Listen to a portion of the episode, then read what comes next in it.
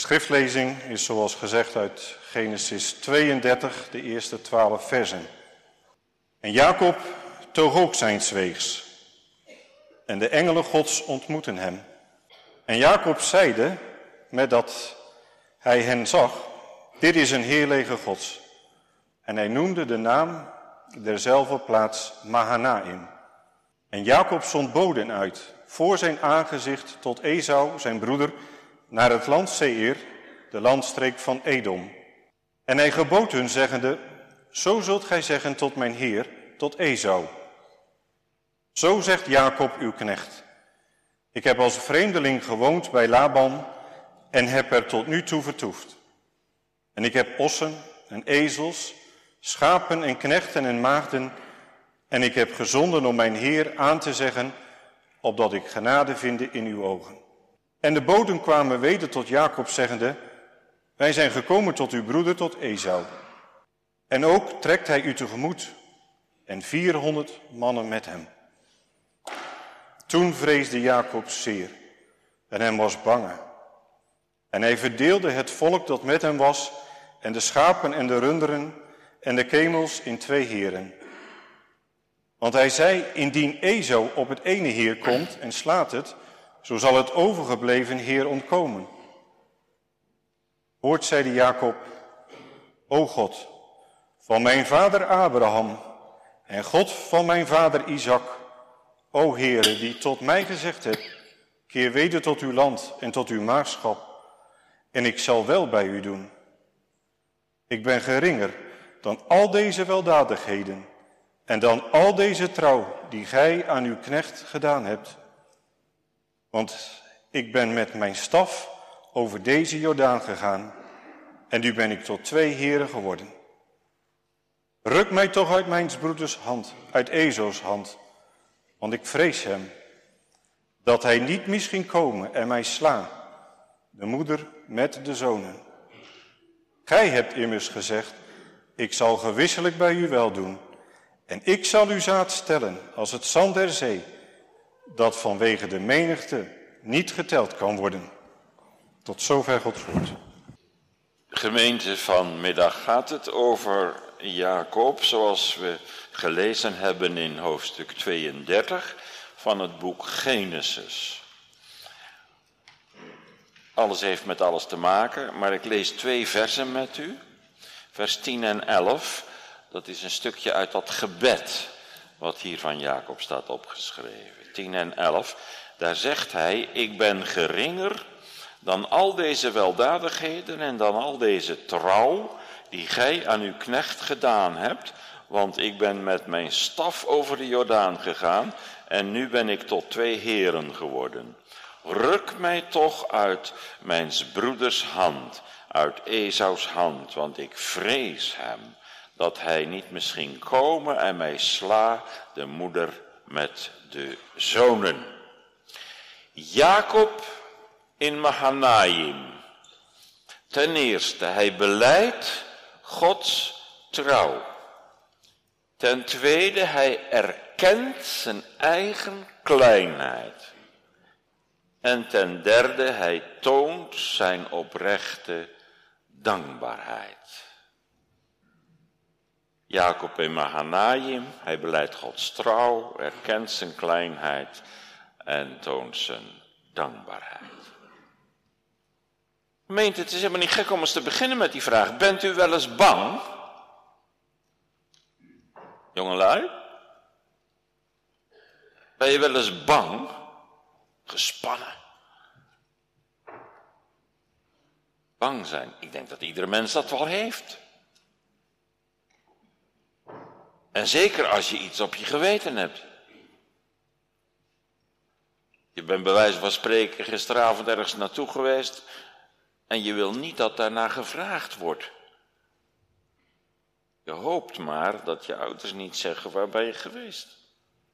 Of je hebt jaren geleden iemand bedrogen en je weet dat je die persoon nu gaat ontmoeten bij een gelegenheid waaraan je je niet kunt onttrekken. Voelt een zekere angst voor de ontmoeting.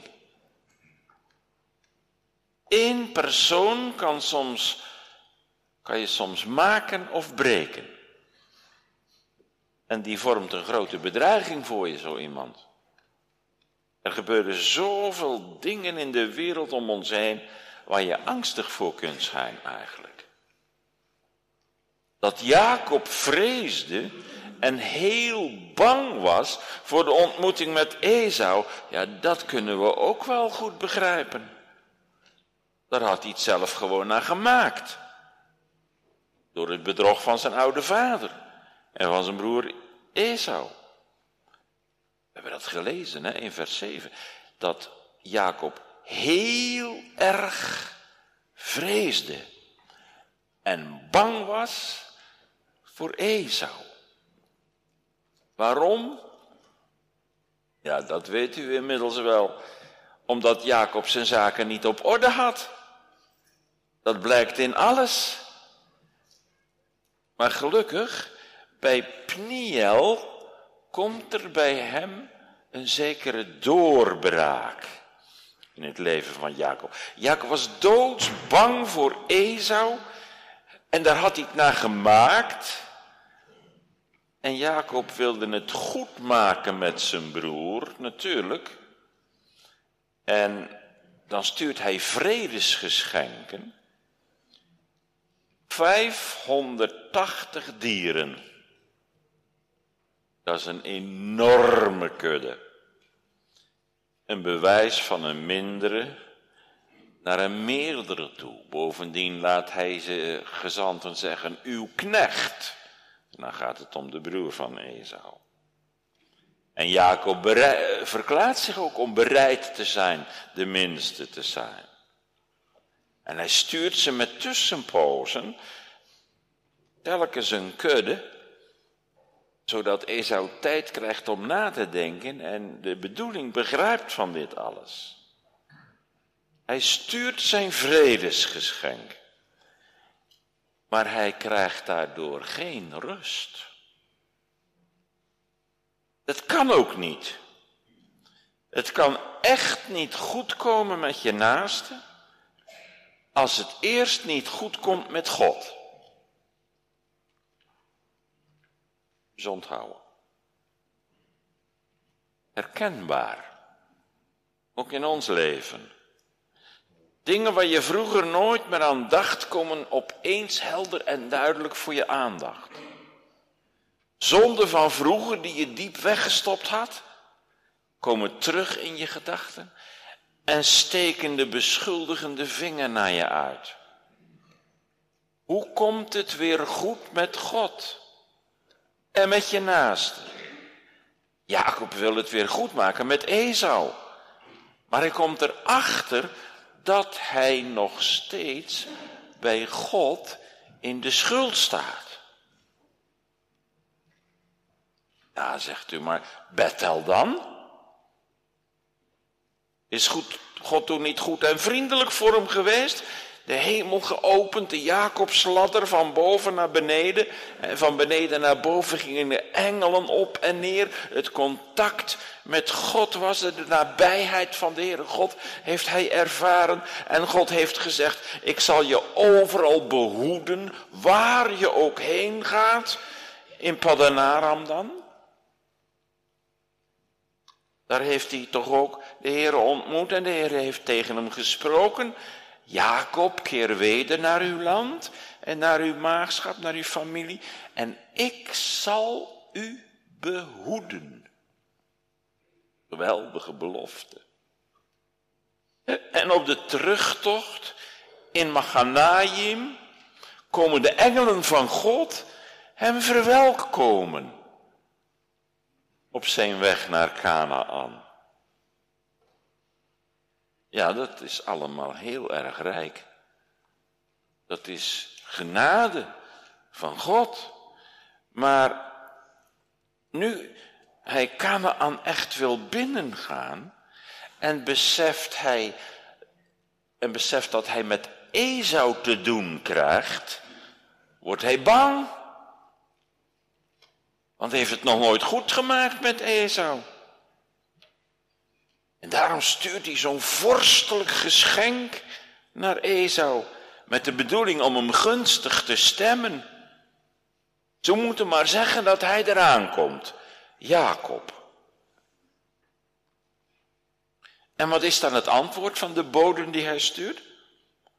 Wel, zijn knechten komen terug en ze zeggen, ja hoor, we hebben hem ontmoet. En hij komt eraan en hij trekt met 400 man u tegemoet. En dan krijgt Jacob het helemaal benauwd.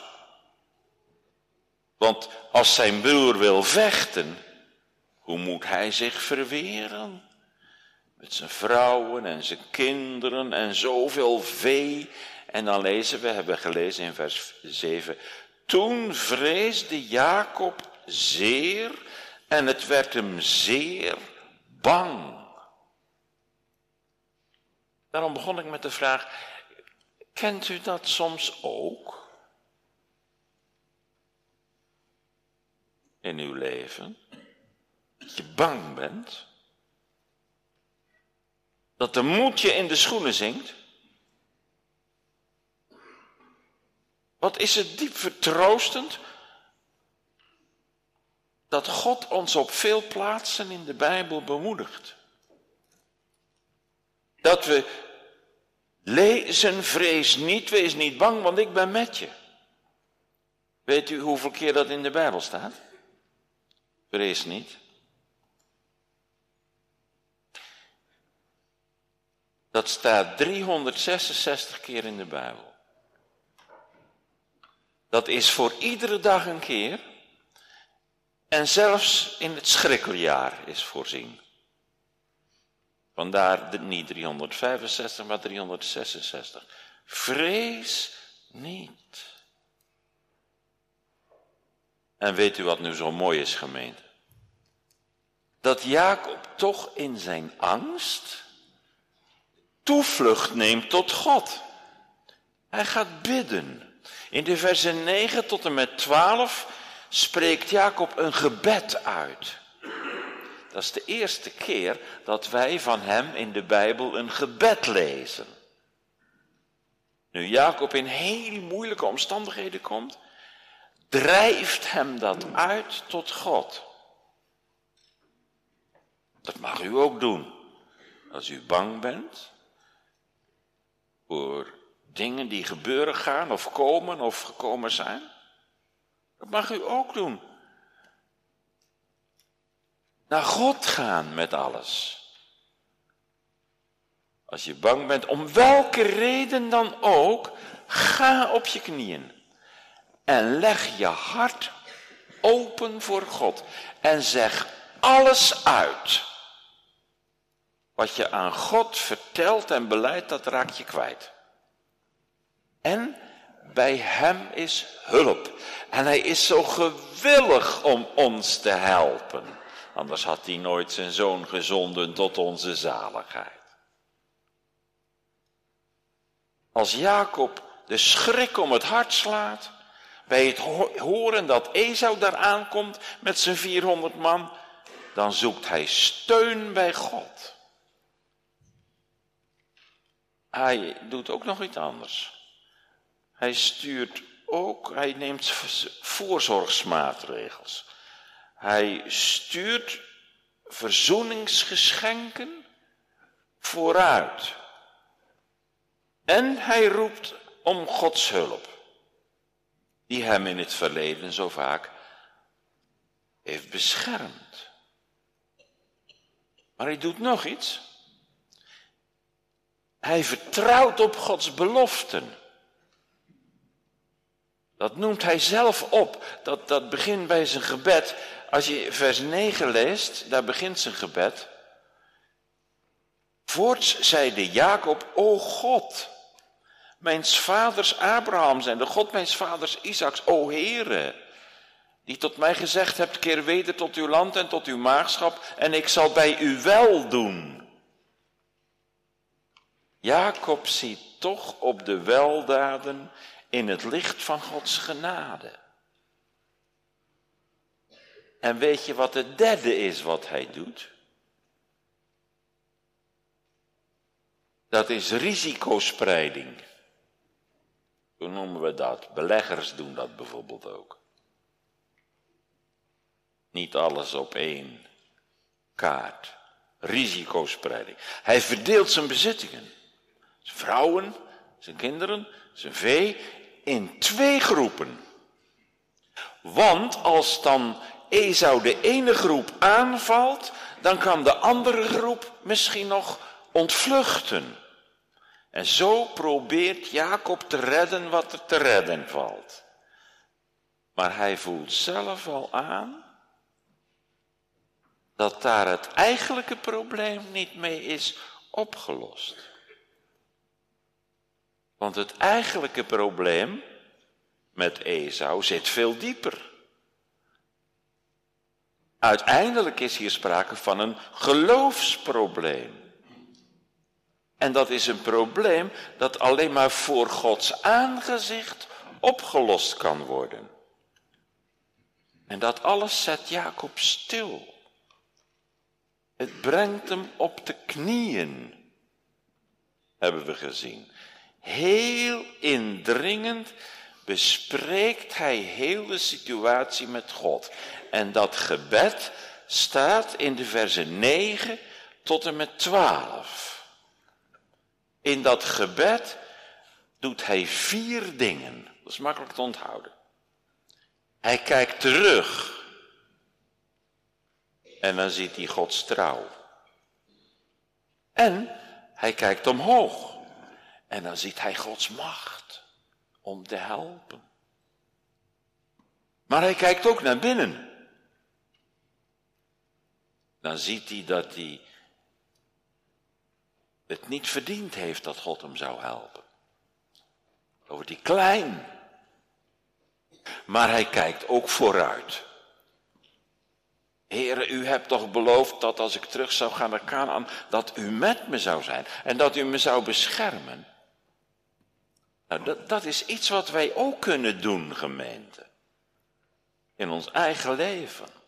En daar hoef je niet per se voor op een kruispunt in je leven te staan, dat je noodzakelijk een keus moet maken. Ik zou zeggen, bouw eens een moment van bezinning in, waarop je zegt tegen jezelf, nu ga ik eens terugkijken in mijn leven. En dat doe ik voor Gods aangezicht, naar boven kijken. Maar ook naar binnen, hoe zit het hier?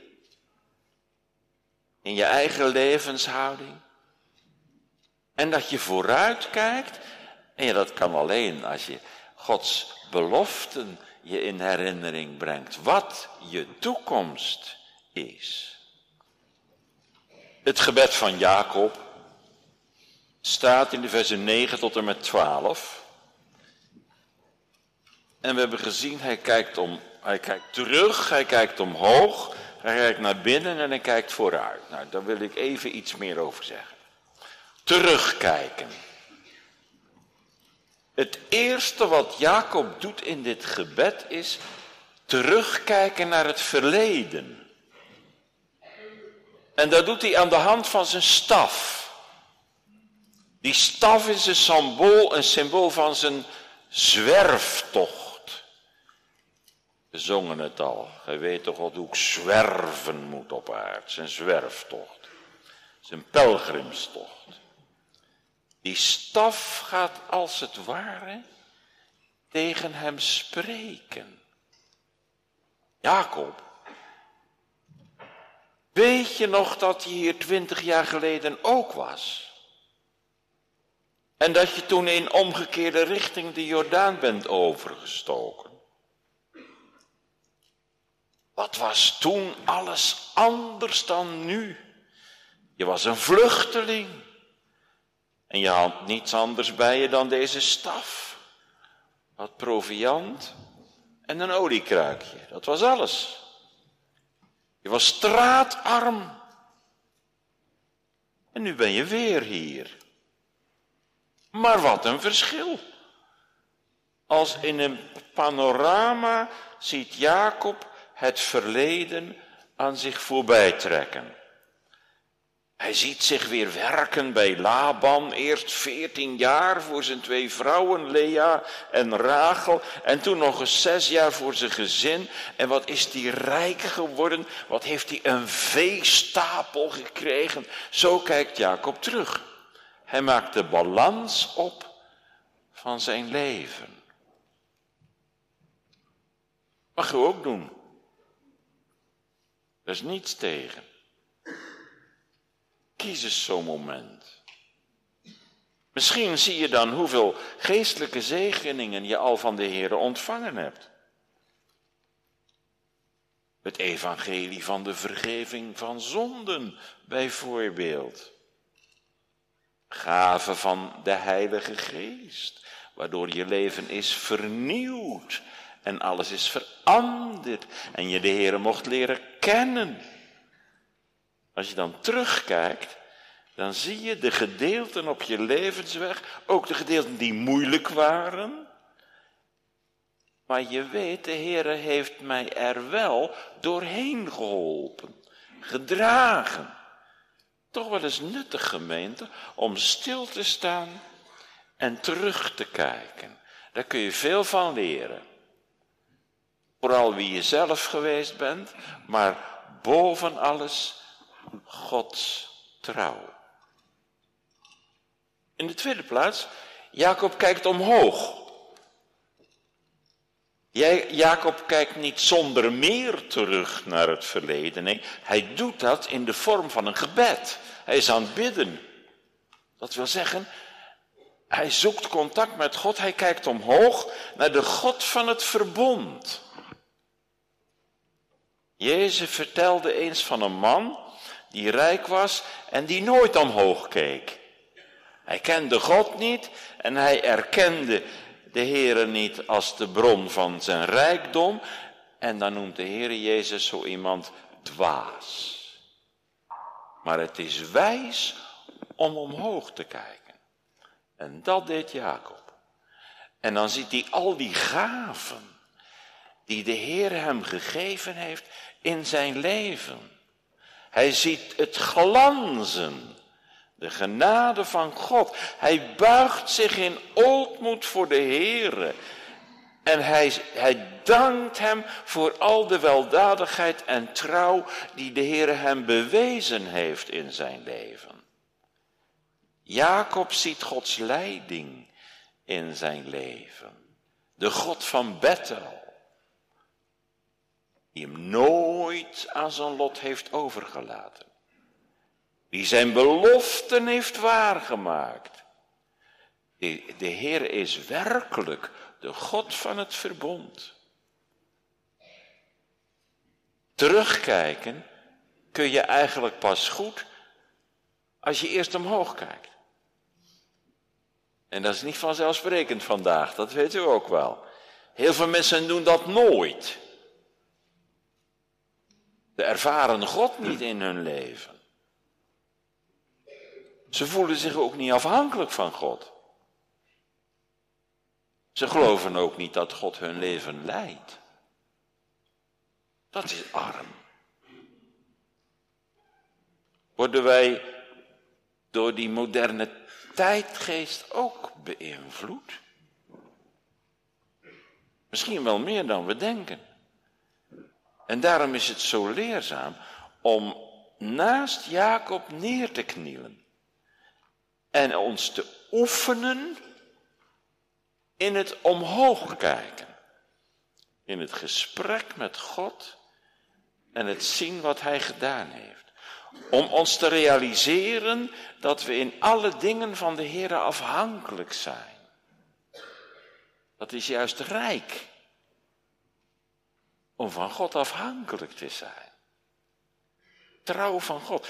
Als hij niet geholpen had, dan was er, was Jacob er niet doorgekomen, maar dan waren wij ook niet er doorgekomen.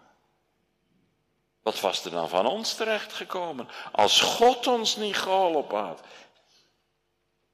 Bedenk dat eens, denk eens mee. Dan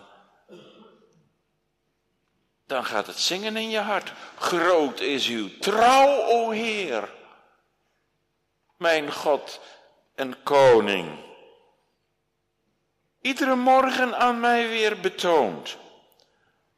Al wat ik nodig had, hebt u gegeven. Mooi lied. Om met je gezin ook te zingen. En het is de Heilige Geest die daar je ogen voor opent. Dan zie je steeds meer de trouw van God. Hij is, hoe heerlijk, hoe genadig, hoe geweldig, hoe liefdevol. Je leert hem steeds beter kennen.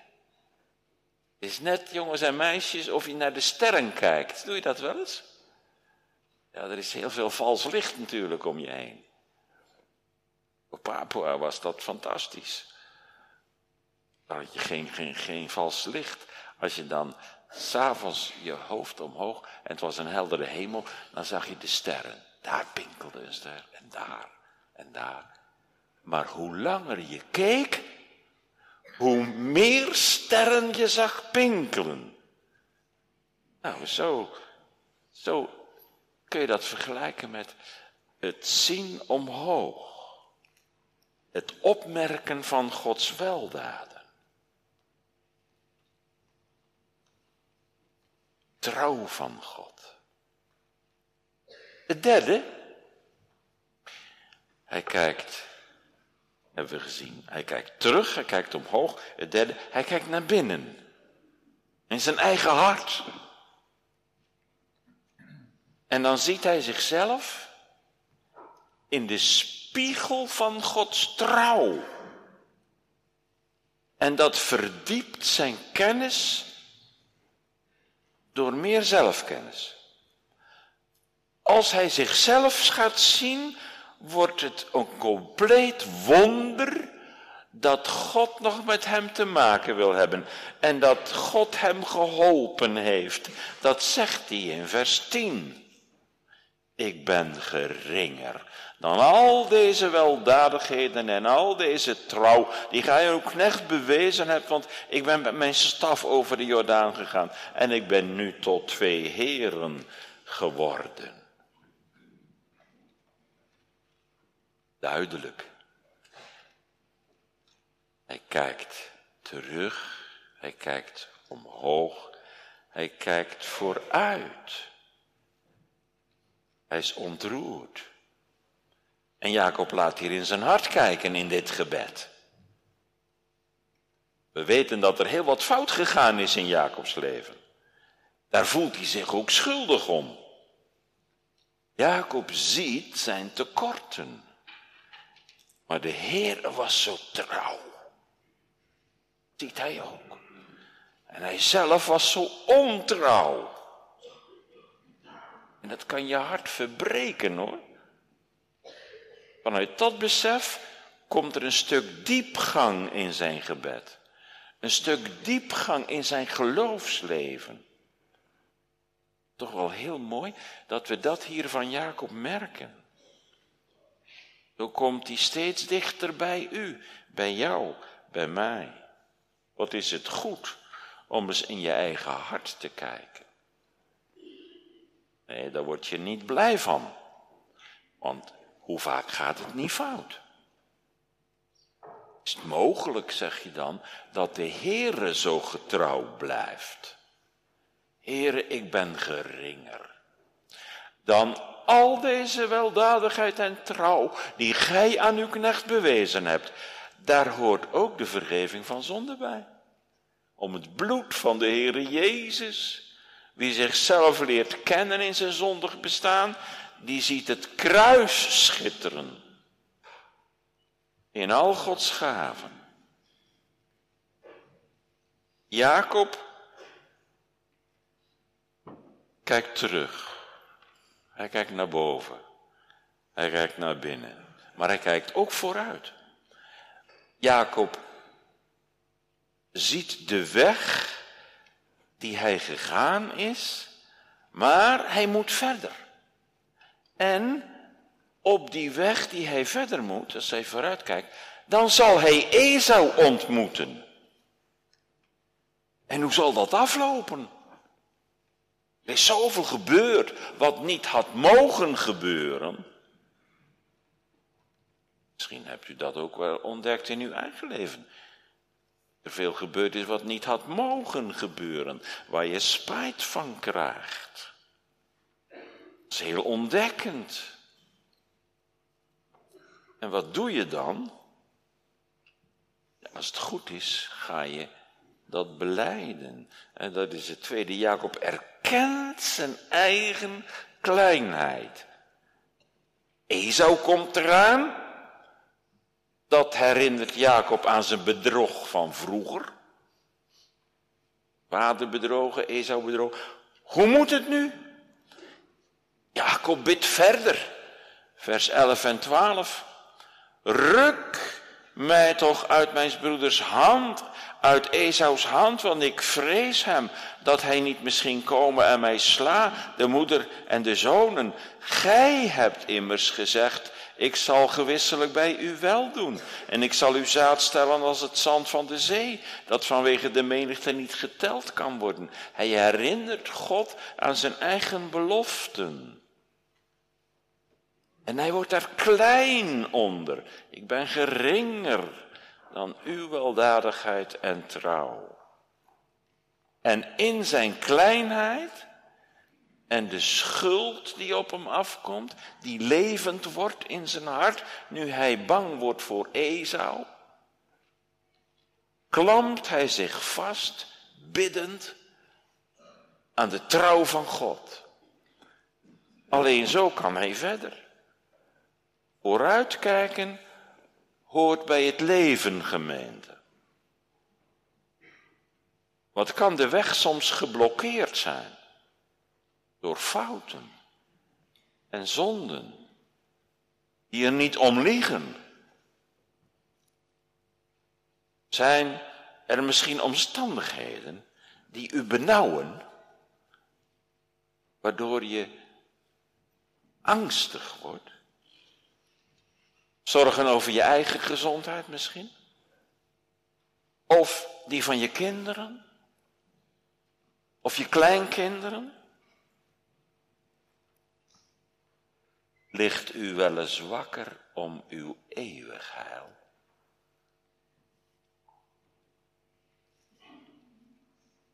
Je krijgt in zulke ogenblikken alleen maar rust als je je overgeeft in de handen van de Heer. En vertrouwt op zijn beloften.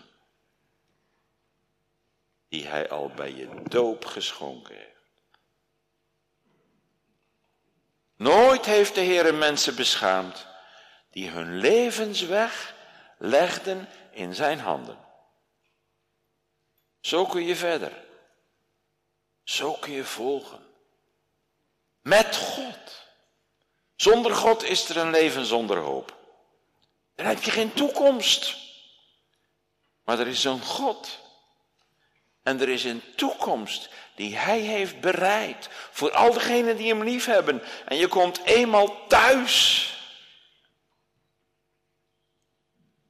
Dat kan je zo'n diepe vreugde geven.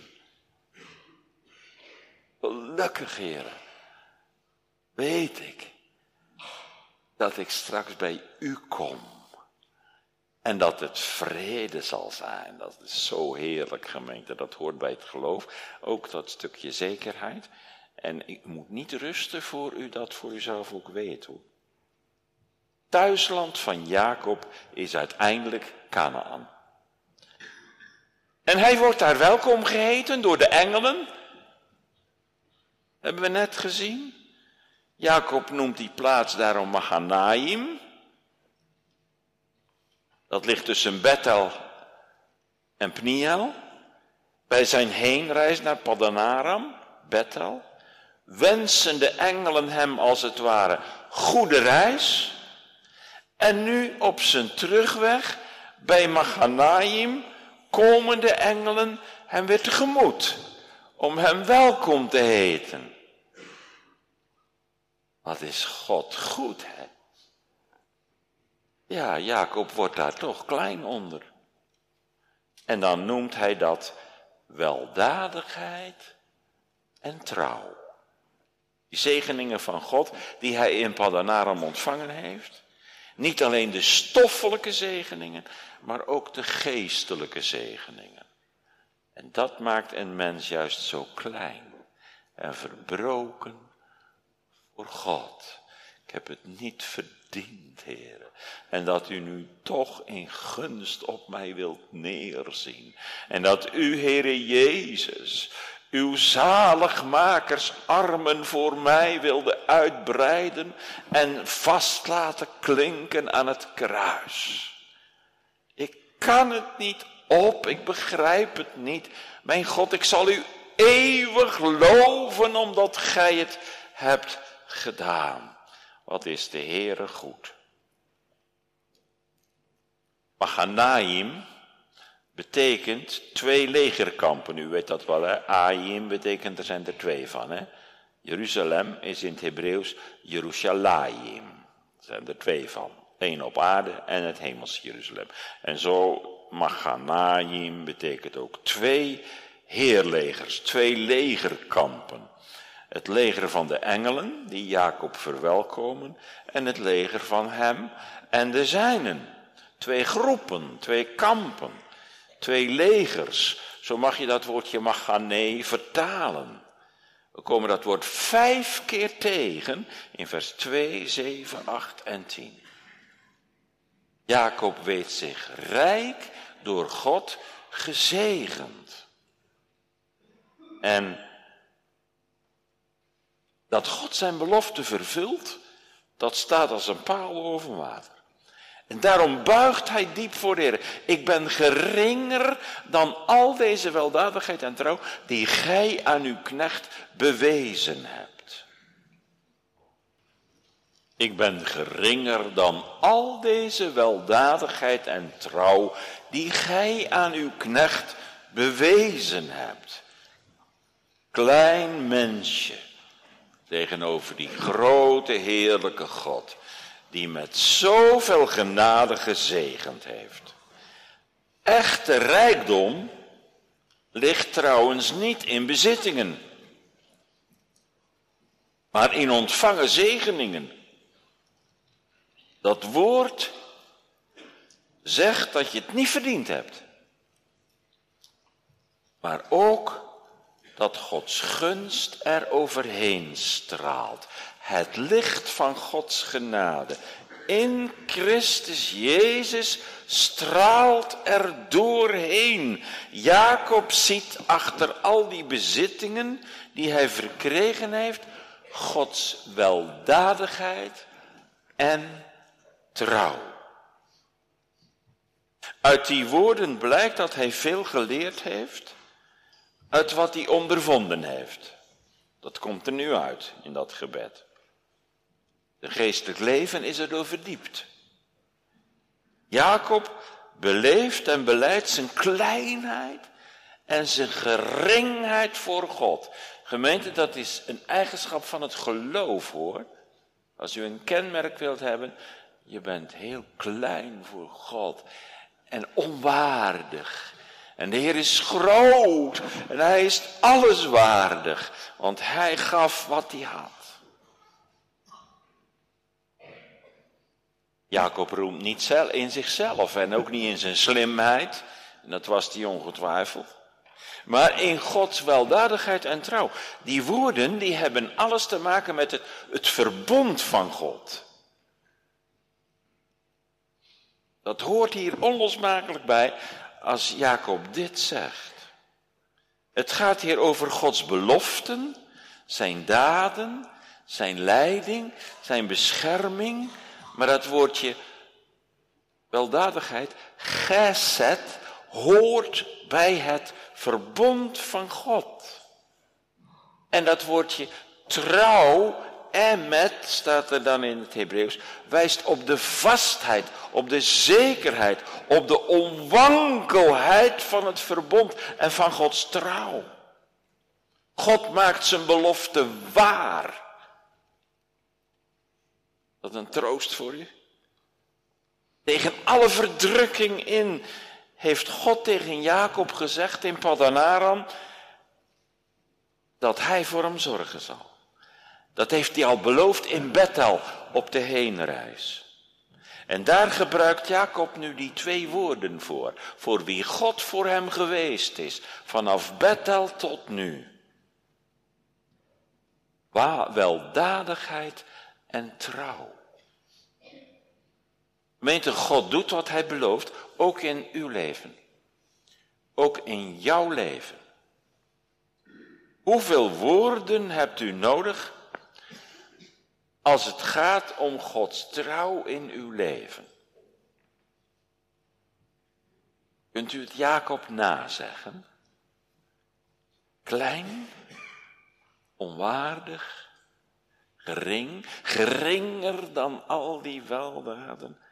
God is groot, God is goed, God is trouw en het staat vast in het offer van de Heere Jezus. Het ligt, het heil dat hij schenkt, ligt allemaal vast in het kruis van Golgotha. Klein, onwaardig, God is groot, weldadig. God heeft niets verkeerd gedaan, nooit. God heeft gedragen in dagen van ziekte en zorgen. We hebben vrede in ons land en hopelijk hebt u ook vrede in uw gezin en in uw huwelijk. Wij leven in een verwarmd huis. Denk eens aan al die vluchtelingenkampen. Ook het tekort aan opvang. Zijn wij niet enorm bevoorrecht? God drukt het stempel van zijn goedkeuring op het geloof van Jacob.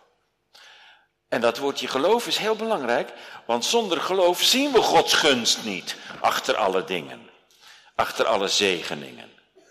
Wie God niet vreest en het van zichzelf verwacht, ziet nergens Gods trouw en Gods goedheid. Zelfs niet in dagen van voorspoed. Maar wie leeft uit de doorboorde handen van de Heer Jezus en daaruit niet alleen de vergeving van zonden ontvangt, maar ook zijn dagelijks brood en wat je nodig hebt, dan zie je overal Gods trouw en zijn goedheid, ook in tegenspoed.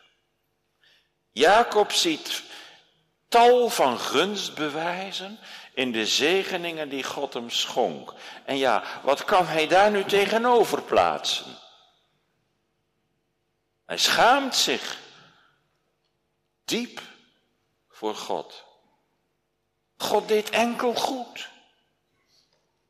En als hij hier zijn eigen leven ziet, in het licht van Gods zegeningen en trouw, dan ziet hij zoveel tekortkomingen in zichzelf. Dan ziet hij zoveel zonden in zichzelf, in zijn eigen leven. Ik ben geringer. Alles komt hem levendig voor de geest. Het bedrog van zijn oude vader. Het stelen van het eerstgeboorterecht in verband met die eh, linzensoep, weet u wel. Dat hij met de noorderzon vertrok. Dat was toch ook verkeerd. Als de Heere naar recht had gehandeld, dan zou hij zijn zegenende hand voor Jacob hebben toegesloten. Maar hier zie je nu wat genade is. Genade is iets wat je niet hebt verdiend.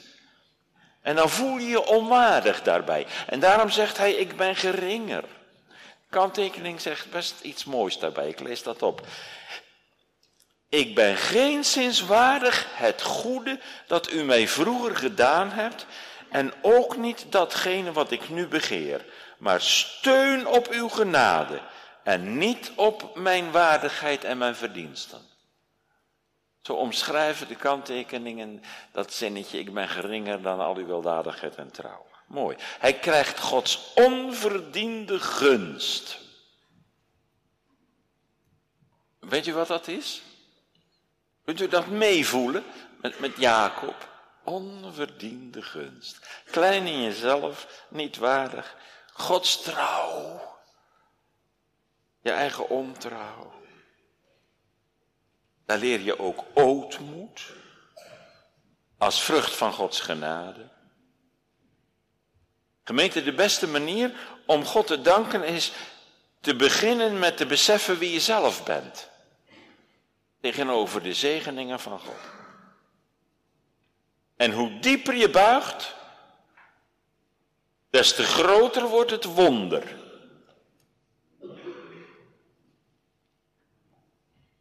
Alleen voor deze tijd krijg je wat van God, maar voor de eeuwigheid. Als u mag weten geborgen te zijn in het bloed van Christus, en u moet niet rusten voor u dat weet, en jij ook, jonge vriend.